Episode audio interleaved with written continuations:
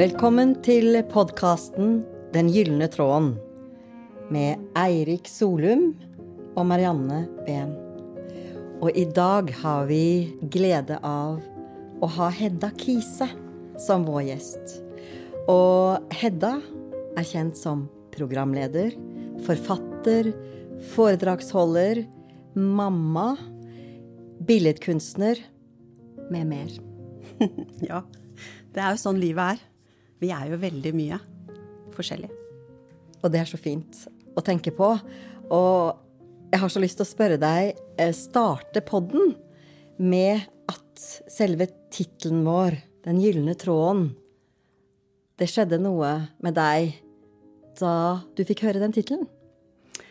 Ja, det var eh, litt magisk, egentlig. Eh, plutselig så husket jeg så veldig mye mer fra barndommen min. Um, og det er jo noe jeg aldri har snakket om, egentlig, eller fortalt noen om før. Fordi da jeg var liten, så var jeg overbevist om at jeg hadde en lang rekke med mennesker gående bak meg. Eh, det var mennesker i alle kjønn, eh, fasonger eh, og aldre. Og dette var eh, mennesker som hadde vært meg tidligere, i tidligere liv. Så jeg var helt sikker på at jeg var reinkarnert. Og hun jeg hadde vært sist, det var en uh, tynn, liten jente. Hun fortalte meg at hun uh, hadde vært mye syk, og at hun hadde hatt et veldig stille liv på grunn av det. For meg var hun virkelig. Hun hadde dødd da hun var rundt ti år. Uh, og jeg følte veldig ansvar for henne. Vi lekte litt sammen, faktisk. Samtidig som jeg følte veldig trygghet. Jeg følte at det var mennesker som gikk og passet på meg. Så du hadde virkelig kontakt med en annen dimensjon? Ja, og det er det jeg har begynt å forstå nå. Fordi jeg har ikke hatt den oppfatningen av at For meg så var jo de med meg.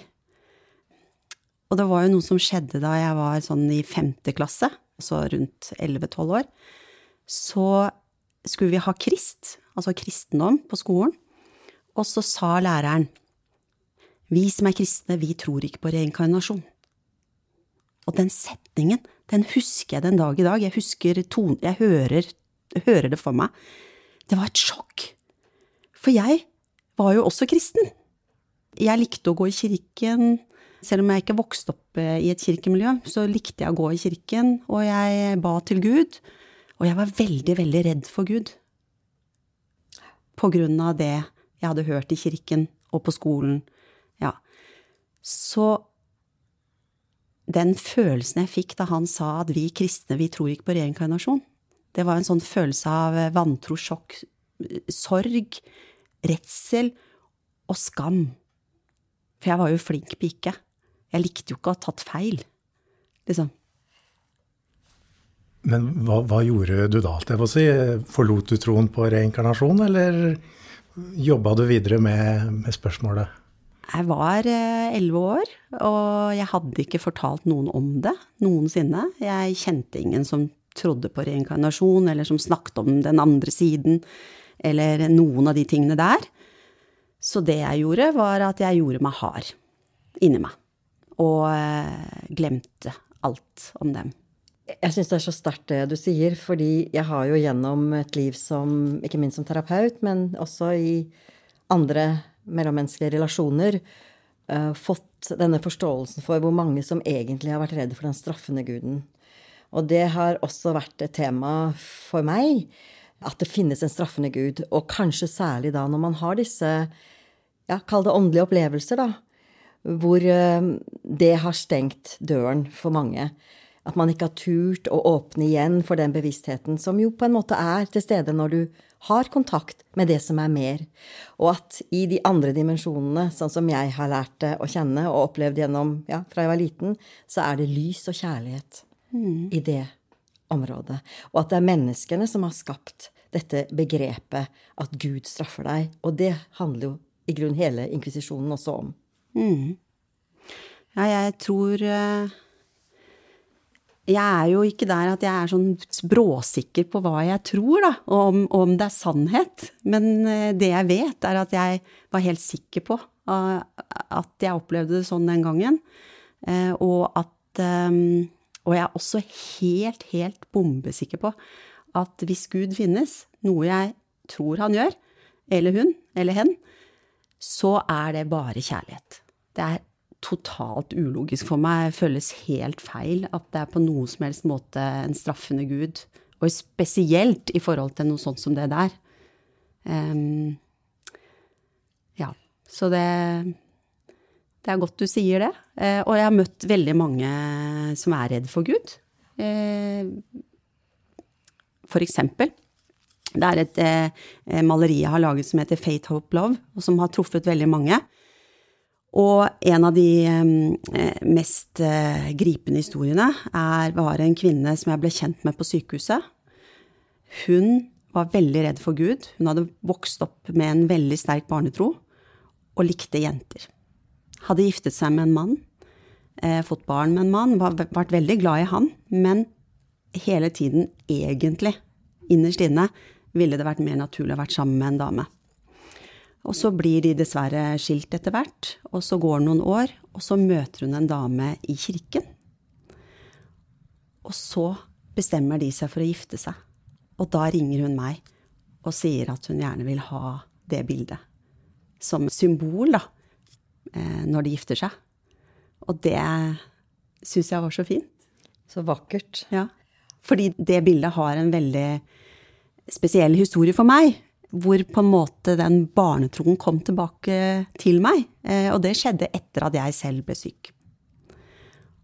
Jeg hadde jo vært på sykehuset i ett år pga. hjernesvulst. Dette var i 2007, det hadde blitt 2008. Og så gikk jeg tur eh, i skogen utenfor sykehuset. Og plutselig så ble alt veldig, veldig lyst. Og det var liksom tre lysende søyler først. Eh, jeg oppfattet det som engler, eller, eller, eller eh, noen som kom det på en måte var levende og dødt på en gang. Eh, men veldig trygt og masse kjærlighet. Og jeg fikk en jeg fikk på en måte en beskjed der og da. Det ene var én, husk dette øyeblikket. Det får du bruk for. Det trenger du og alle andre. To, det handler ikke om å være flink. Det handler ikke om å trene når det gjelder å bli frisk. Det handler om tålmodighet og å elske seg selv akkurat sånn som man er nå. Fordi når man blir alvorlig syk, så er det så mange rundt deg som sier å, nå må du stå på, gjør dette og dette, så blir du deg selv igjen, eller så får du tilbake livet ditt igjen, eller så blir det sånn som det var før. Men, men ingen skal jo tilbake. Vi skal jo alle fremover. Eh, og det det handler om, tror jeg, i livet, er å hele tiden bruke det som skjer, også det vonde, til noe godt. Både for deg selv og andre. Og det jeg hører litt i det du sier nå, det er jo denne aksepten av alt som egentlig er. Mm. I en situasjon hvor man er eh, ja, veldig redusert, da, har opplevd kriser eller sykdom, hvor eh, dette med å såkalt ta seg sammen ikke er mulig. Jeg lurer på, jeg vet vi delte litt, litt tidligere, hva var det du egentlig trengte? For å komme ikke tilbake til den du var, men få mer livskraft igjen. Altså mm. dette vendepunktet. Komme meg videre. Ja. Nei, jeg, jeg trengte det å um, forstå at det handlet om å være tålmodig eh, og hvile i det du er i. Um, ett skritt av gangen, et bitte lite museskritt, rett og slett. Hva trengte jeg av andre? Jo, det jeg trengte av andre, det var respekt og anerkjennelse. Ja. Og det er det veldig mange i Norge som mangler. Det er liksom blitt en sånn måte vi snakker om folk som ligger nede. De er navere, uføretrygda. De er hypokondere, nærmest. Eh, men i virkeligheten så er jo de de største toppidrettsutøverne, i mine øyne i hvert fall. Det er ingen som står så på eh, som folk som eh, må ha hjelp fra sykehuset. Ja. Men når du hadde det øyeblikket med de lyssøylene, mm. Var det overveldende? Og det budskapet du fikk, hvor kom det fra, opplevde du da? Det var bare akkurat som jeg bare mm, hadde en veldig klar oppfatning av at det var en beskjed som jeg fikk. Ja. Eh, og Eh, og, og jeg, det jeg gjorde, var jo Jeg gjorde jo som de sa. jeg gikk rett inn For jeg hadde et atelier på sykehuset, faktisk. Jeg hadde jo vært der så lenge. og Hadde begynt å male. Så jeg gikk inn og, og malte min første Fate of Love for å ikke glemme det jeg hadde sett. For det jeg vet, er at det, eh, er så lett å glemme. Mm. Det er så utrolig lett å glemme. Jeg husker når jeg lå på sykehuset med den hjernesvulsten og hadde fått beskjed om at eh, jeg skulle opereres om to timer, og det er ikke sikkert det går bra, så husker jeg tenkte hvis jeg overlever dette, så skal jeg aldri mer klage over bæsjebleier eller kjedelige jobber eller noen ting. Jeg skal elske hvert eneste øyeblikk av hverdagen, liksom. Men, det, men så går det jo bare noen, uker og måneder etterpå, og så har du glemt det. Så derfor så visste jeg at dette må jeg male. Og så har det liksom det bildet vært med meg på alle kjøkken som jeg har bodd siden. Fordi jeg ville at det skulle være det første jeg så. Kan du beskrive hvordan det bildet ser ut? Ja, det er på en måte Jeg vet ikke. Noen, ser at, noen syns det ser ut som engler, andre syns det ser ut som lys. Um, og noen syns det ser ut som uh, noen vesener.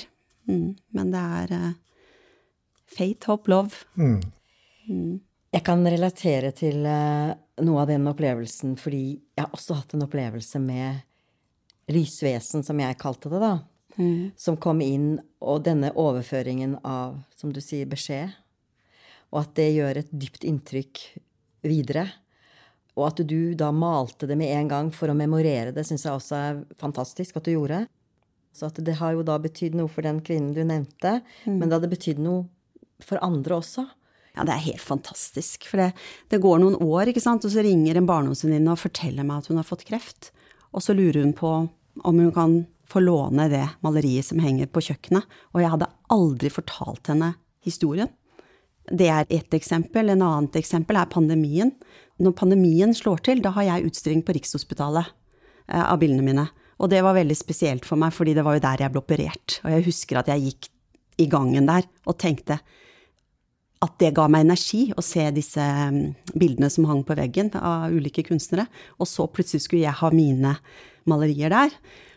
Så det var jo, jeg var jo kjempespent. Og så kom pandemien med en gang, så ble hele sykehuset hermetisk lukket. Men allikevel så ble jo det Fate of Love, som jeg da hadde laget på nytt, solgt med en gang. Og så blir utstillingen tatt ned, og så dagen etter så ringer det en pappa, en nybakt pappa, som sier du, det, hvor er det blitt av de bildene? For jeg vil så gjerne kjøpe Faith Hope Love til kona mi sier jeg det er solgt, men jeg kan lage et nytt, det er greit, og så får jeg historien. Da har altså hun, kona, født et barn inne på Rikshospitalet. Barnet er sykt, de må bli på sykehuset, han får ikke være der eller komme inn fordi det er pandemi. Han besøker henne gjennom en glassvegg. Han står på utsiden, hun er på innsiden, og bak der igjen henger maleriet Fate of Love. Det har fått vinger, dette maleriet ditt. Det har flydd skikkelig langt. Jeg er litt stolt av det. Altså, ja. Kan jeg skryte litt også, eller? Ja, skryt litt. ja, for jeg fikk en telefon av et eh, ektepar fra Wisconsin nå nylig. Eh, fordi presten i kirken deres hadde da grabba, det er jo egentlig ulovlig, men jeg tilgir han, bildet fra nettet og trykket det på eh, gudstjenesteprogrammet. Og det hadde gjort så inntrykk på dette ekteparet at de ville ha dette bildet. Eh, og nå snakker de om at de har lyst til at jeg skal lage en større versjon til kirken nå. Så det er for meg helt overveldende. Så når du ringte, Marianne, så tenkte jeg dette må jeg si ja til. For dette er noe jeg ikke har dykket ned i i det hele tatt. Det har jeg ikke, og har veldig lyst til. Jeg syns det har vært veldig fint at du ville være her i vår podkast. Du har touchet det som er smertefullt, og det vi kan kalle lidelse ser jeg jo, kan jeg si det som jeg opplever, et lys rundt deg. Hvordan møter du motgang? Ja. Jeg holder jo foredrag om egentlig akkurat det. Og mitt råd, hvis man møter skikkelig motstand og man står i krisen, det er å rett og slett se for seg en sånn pauseknapp på følelsene. For det gjorde jeg den gangen, og har brukt det etterpå. Bare se for meg, trykker den inn, og så Eh, virker jo ikke det så veldig lenge hvis ikke du gjør noe annet. Og det er å eh, konsentrere deg om det du kan gjøre noe med. Og jo mindre og mer bagatellmessig det er, jo bedre syns jeg det funker. Og jeg syns personlig at det å grave jorda ute i hagen, gjøre det fint for plantene og fint for trærne, og liksom gjøre hagearbeid, det funker for meg. Og selvfølgelig også gå tur i skogen, den type ting. Mm. Ta opp daglige, eller hva jeg skal kalle det. Stå og lage brød, liksom, eller bake en kake, eller gjøre noe som føles nærende, da. Gå i haven. Mm. Hva er det som nærer, og ikke tærer? Og det syns jeg var fint å høre at du gjør. Og så er jeg veldig nysgjerrig på én ting. Har du noen gang en følelse at du har møtt mennesker som har vært der for, eller som har en ekstra betydning, som kanskje har vært der i et møte med deg før, eller som har en ekstra hva skal jeg si, hjerteåpner eller sjelsåpner eller. Kontakt med deg? Har du det? Ja, jeg tror det. det er jo noen mennesker som eksempel, jeg har en barnesinninne. Eh, hun ringer meg alltid når jeg har det dårlig. Og vi har ikke kontakt ellers. Stakkars dame. Hun, eh, hun, får eh, alle de dårlige dagene mine, på en måte. Hun bare ringer, hun bare føler det. Og det må jo være Det må jo være at hun har et eller annet, da. En lang kontakt som er helt spesiell. Så husker jeg jeg eh, møtte jo eh, På sykehuset så fikk jeg to ekstremt gode venninner. Eh, på to forskjellige sykehus. Jeg var jo på sykehuset i ett år og tre måneder, så takk og lov at jeg fikk noen venner der.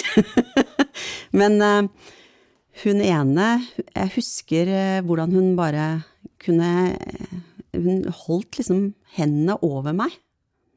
Ti centimeter over, og jeg bare kjente en sånn enorm varme. Og så tok hun liksom og tok hendene rundt over meg, og jeg kjente det nærmest som en sånn kule innvendig. Den gangen så tenkte jeg at vi var litt sprø, da. At vi var liksom Ja, at uh, ja, Det var nærmest som en lek. Men uh, sånn i ettertid, nå de siste årene, så har jeg jo tenkt at uh, kanskje dette er noe jeg burde utforske litt mer. Kanskje du skulle gjøre det?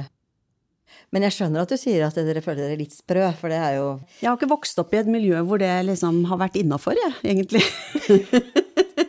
Men eh, Så det er vel kanskje derfor. Så det var vel fordommene til samfunnet som jeg hadde inni meg, som gjorde at eh, jeg følte nærmest at vi gjorde noe litt ulovlig. Litt sånn lukket døren så ikke sykepleieren skulle se oss, for da ville de sikkert skrive i journalen at eh, her er det noen som har mistet forstanden. Jeg hadde jo tatt hjernesvulst. Ikke sant en del av disse følelsene rundt dette med, ja, med, healing, med spiritualitet Etter hvert så har det jo selvfølgelig meditasjon og dette blitt mer anvendbart, da, etter at man snakker om mindfulness som har kommet inn. Men at det har vært holdt nede ikke sant, i århundrer, ikke minst i form av inkvisisjonen. Mm. Hekseprosessene som varte helt til opp på 1970-tallet. Man blir sett på som sprø eller noe helt annet. Mm. Det må holdes unna. Og så er det, egentlig veldig naturlig.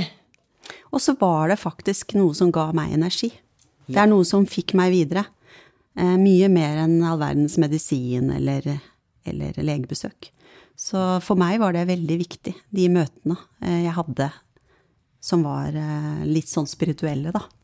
Du har jo egentlig beskrevet flere opplevelser du nå etter det med sykehuset som kanskje passer inn i, beskrivelsen spirituell eller åndelig. Mm. Har det på en måte endra virkelighetsopplevelsen din eller livsopplevelsen din? Ja, eh, absolutt. Jeg er f.eks. ikke redd for å dø. Jeg Nei. vet at um, For det første så vet jeg at det er verre ting. Det har jeg sett på sykehuset. Det, er verre ting i, i, i, verden enn akkurat det å dø. Uh, og så er det det med møtet med Fate, Hope, Love, da. hvor, hvor, jeg bare følte en sånn ro og kjærlighet, og at liksom Det ordner seg, på en måte take it easy, på en måte. Det var bare ja. Men hvis du ikke er redd for å dø, hva, hva tror du skjer når vi dør da? Morfaren min, da han lå for døden, så sa han Det glemmer jeg ikke. Eh, han var en sånn veldig fornuftig mann. Veldig rasjonell. Jeg så veldig opp til han. Og så ligger han for døden, og, så, og dette, dette, er bare timer før han døde. Så tar han hånden min, og så ser han på meg, og så sier han Dette blir spennende. Nå får jeg endelig vite det, sier han. Vet du hva, Det er helt utrolig historie. Ja. Far, som hadde fått en bok av meg noen år før han ble syk, helt eh, inn i lyset. Han formidler til meg, etter å ha lest boken, det var da 'Måte på til lys'. Og når jeg kommer, og han ligger for døden, og det var en av de siste tingene han så på meg og sa 'Jeg tok feil'. For da hadde han hatt et møte med den andre siden og Ari gjennom en hel dag, hvor han hadde gått inn og ut av den åndelige dimensjonen. Så når han da forlot, så var det som et vingeslag. For han hadde fått en bekreftelse på at det var ikke bare måta på, som man sier i Halden, mm. men det var lys og kjærlighet som kom han i møte. Ja. Det jeg føler veldig sterkt, da, etter at jeg fikk barn, er at jeg aldri i verden om jeg forlater dem, ikke sant. Jeg kommer til å være her. Og eh, det er bare noe jeg visste når jeg fikk barn. At jeg kommer til å blåse de i nakken eller eh, liksom gjøre ting som gjør at Og det har jeg sagt dem også, at eh, da vet dere at det er meg. Hvis jeg forlater denne verden for mm. tidlig. Som min, eh, min, far òg sier, som begynner å bli en voksen, eldre herre. Eh, han forsikrer oss også om det at vet, når jeg går bort, da skal jeg bli et spøkelse. Da skal jeg bli et vennlig spøkelse som passer på dere alle. Så det, mm. det ser han fram til. Ja, jeg har jo en venninne som kommer på besøk i form av en sommerfugl. Og det er jeg helt overbevist om, for hun setter seg på hånden min hver eneste vår. Jeg har ikke kommet i år ennå. det kan komme som en fugl å vise, mm. eller en sommerfugl å fortelle 'her er jeg', viser seg. Dette vakre med også å være her, da. I det fysiske og den berøringen som nevnte i sted, med healingen. Vi kan holde hverandre i hendene. Vi kan, altså det å berøre er noe spesielt, tenker jeg, for jordlivet. Og selv om man berøres Sier du at man ikke kan det når vi dør? Nei. Jeg, aner ikke. Nei, jeg sier ikke det, for det gjør vi jo på en helt annen måte. Men jeg tenker liksom betydningen av det å holde noen i hånden, betydningen av den fysiske biten. Det er jo nesten noen ganger en nåde når sånne opplevelser trer inn, da, sånn som den opplevelsen din med faith, mm. love, hope. Eller det å oppleve at man møter den andre på en måte som åpner hjertene det er jo også en slags nåde. Det er jo ikke noe som bare skjer på automatikk. Det er helt fantastisk å leve, syns jeg. Ja. Jeg elsker eh, dette livet, og jeg håper at eh, jeg får lov å leve lenge før jeg dør. Eh, og det jeg syns er aller best med livet, er jo den livslange læringen. Det at man kan lære noe av alt som skjer. Det syns jeg er Det er for meg lykken. Mm. Det tenker jeg også. Uh, også ta med eller akseptere det som er vondt, fordi jeg jobber jo med mennesker som Det er jo lett det å trykke ned det, det, som er av smerte, og naturlig nok gjør vi det også, for det er jo noe med at man klarer ikke å ta imot alt på en gang. Mm. Og det handler jo om mye av det som blokkerer seg i, i vev og skaper smerter etter hvert. Så det er naturlig, det, at man gjør det. Men når det begynner å åpne seg igjen og frigjøres, så er jo det også en glede. Det er det som allikevel er den bærende kraften i livene våre. Det syns jeg er veldig fint å vite og tenke på. Ja, det er kjempeviktig det du sier, fordi når man er i en krise, da, alvorlig sykdom, alvorlig sorg, eh, skilsmisse, alvorlig mobbing, eh, uansett hva som er bakgrunnen, så er det liksom like altoppslukende. Jeg tror det verste noen kan si til deg da, er at ja, nå må du bare tenke litt mer positivt, mm. så blir det så mye bedre. Det, jeg, det, det funker ikke sånn. Det er rett og slett det verste du kan si. Det du trenger da, er jo ro, respekt, anerkjennelse for de følelsene. Det er utrolig viktig eh, å ikke bare tenke positivt, du må tenke negativt også, for å liksom være hel og for å heles. Så i den første prosessen, da, så tror jeg det er utrolig viktig at folk får lov til å sørge eh, og tenke negativt og klage og alt som får gørra ut. Fordi hvis ikke så klarer vi ikke å, å, den læringsprosessen og den der veien videre. Nei, dette å kjenne på alle følelsene og våge det tenker jeg også er veldig viktig. Og nettopp i sånne dype krisesituasjoner, disse fasene som har sin egen rytme, da. Mm. Sorg og lidelse har sin egen rytme. Å bli presset liksom frem til å skulle tenke positivt eller være positivt når du ikke er der, det er å blokkere det som egentlig naturlig kunne flyte videre, og gi etter hvert den følelsen av å kjenne igjen på takknemlighet og kjærlighet. Kommer etter hvert, da. Mm. Etter disse dype dalene. Veldig fint at du sier det du sier. Å akseptere øyeblikket, tror jeg, eller for meg iallfall, er det viktig. Enten det er positivt og fantastisk, sånn som nå om våren, eller det er noe som er vanskelig og ikke føles bra, så er det bare å akseptere akkurat det som er her nå.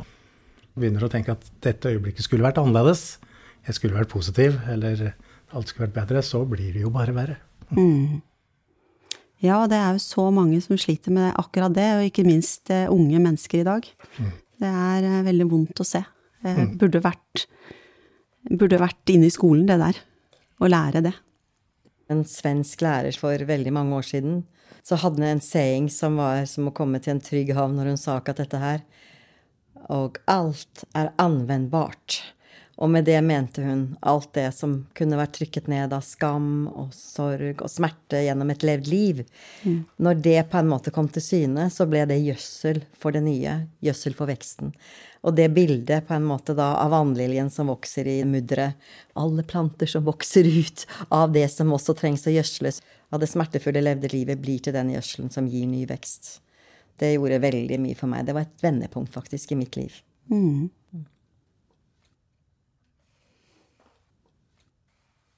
Men jeg tenker på alt det du har snakket om nå, og vi kjenner deg jo, de fleste kjenner deg som programleder på TV.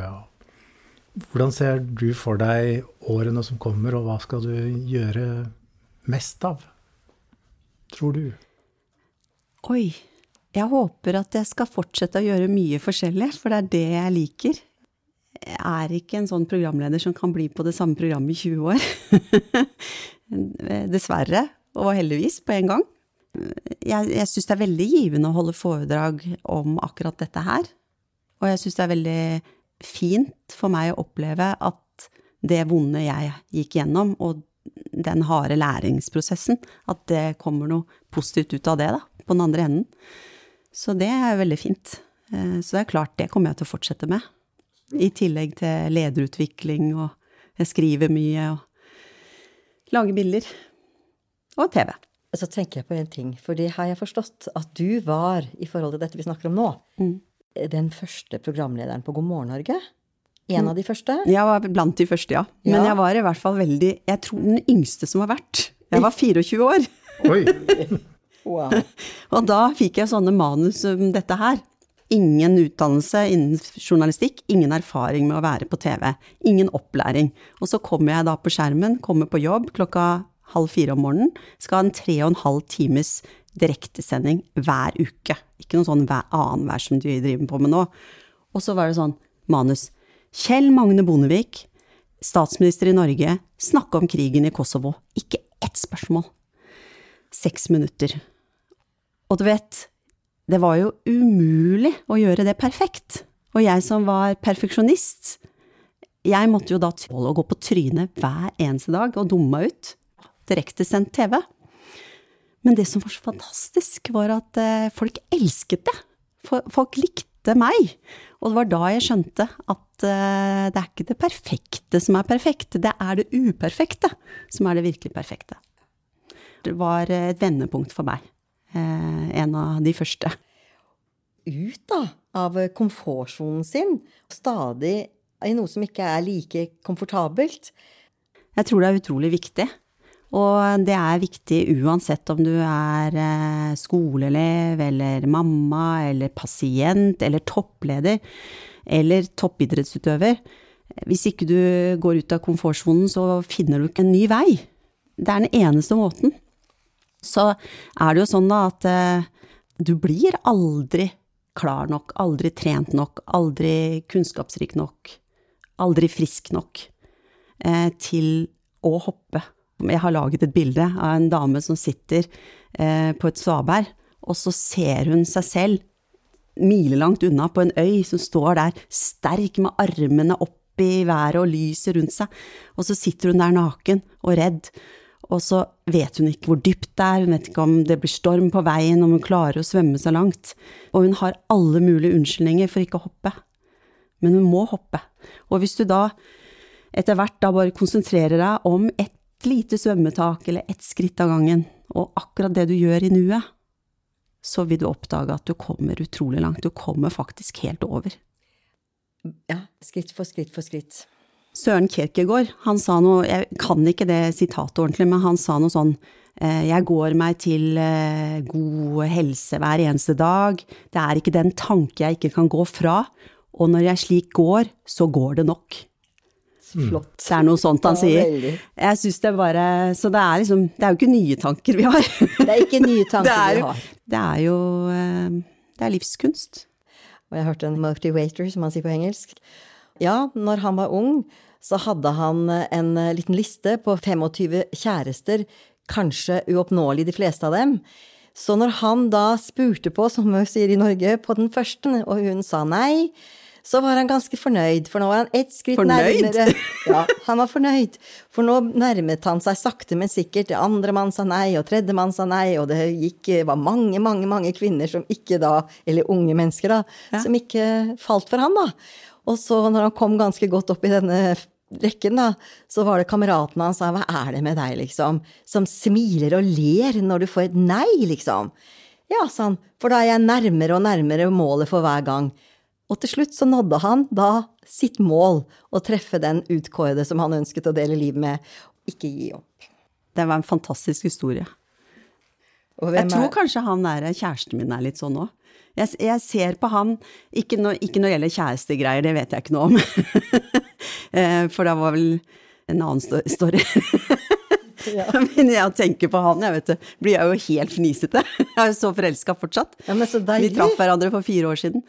Men en av de fine tingene med, med Mats er nettopp den evnen eh, han har til å ikke gå i kjelleren hvis han får et nei. Eh, og da tenker jeg sånn innenfor business og sånn. Da er han sånn, ja, men da er det jo bare å spørre en annen, da. Og så spør jeg en gang til. Og det har jeg lært veldig mye av. For jeg eh, må virkelig si at jeg er litt sånn Jeg syns ikke det er noe ålreit å få nei. Og det tror jeg egentlig kan ligge i mange av oss. Så han Mats, din kjæreste, det er eh, godt å ha en rollemodell i så måte, tenker jeg da. Ja. Det er bra. Lurer litt nå på Vi har jo også et spørsmål, og egentlig har det vel vært innom det òg. Men eh, jeg kan konkretisere det litt mer. Dette med verdier. Hva, hva er dine verdier, eller kan du si noe om det?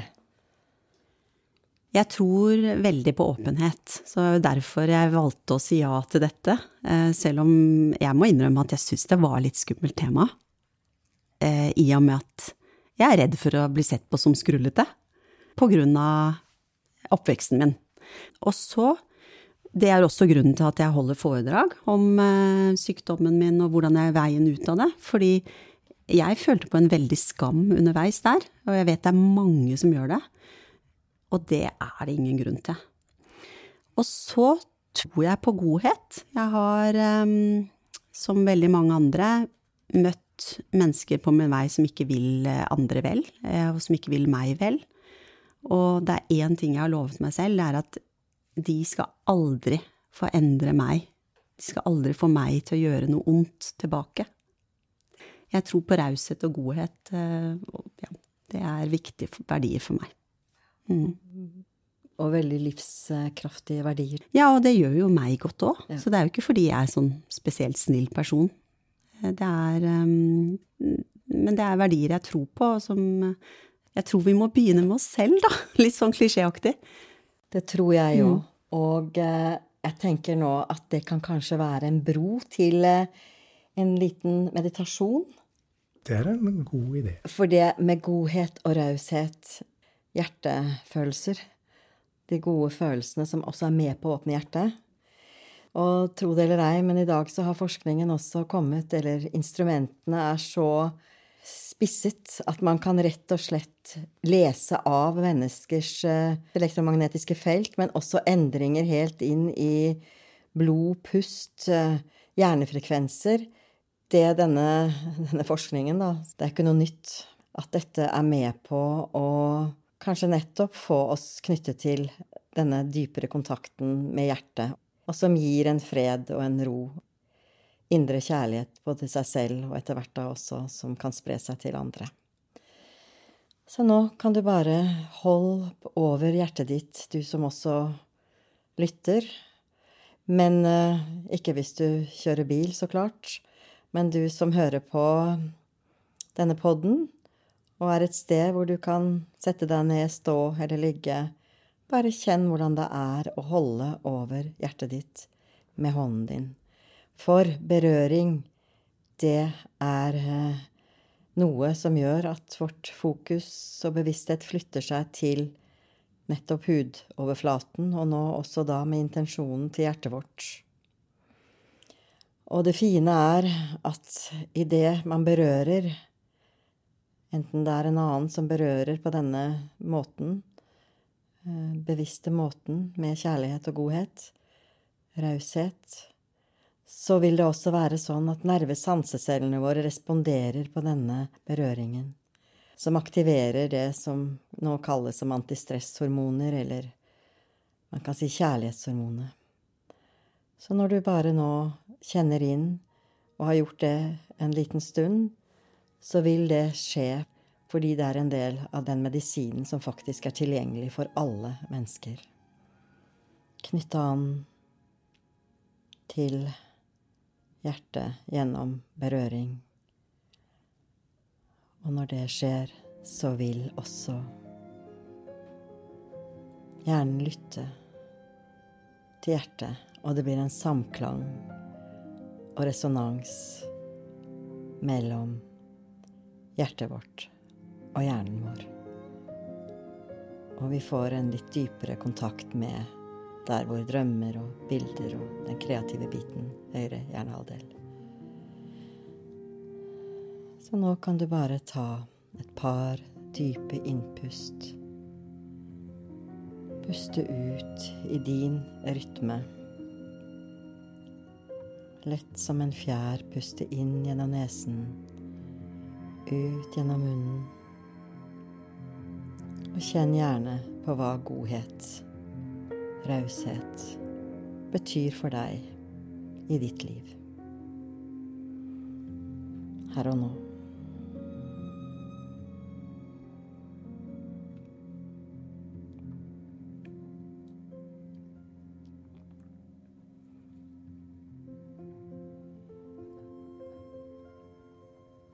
Og med dette, Hedda, så takker jeg for at du ville være vår gjest i denne episoden av Den gylne tråden.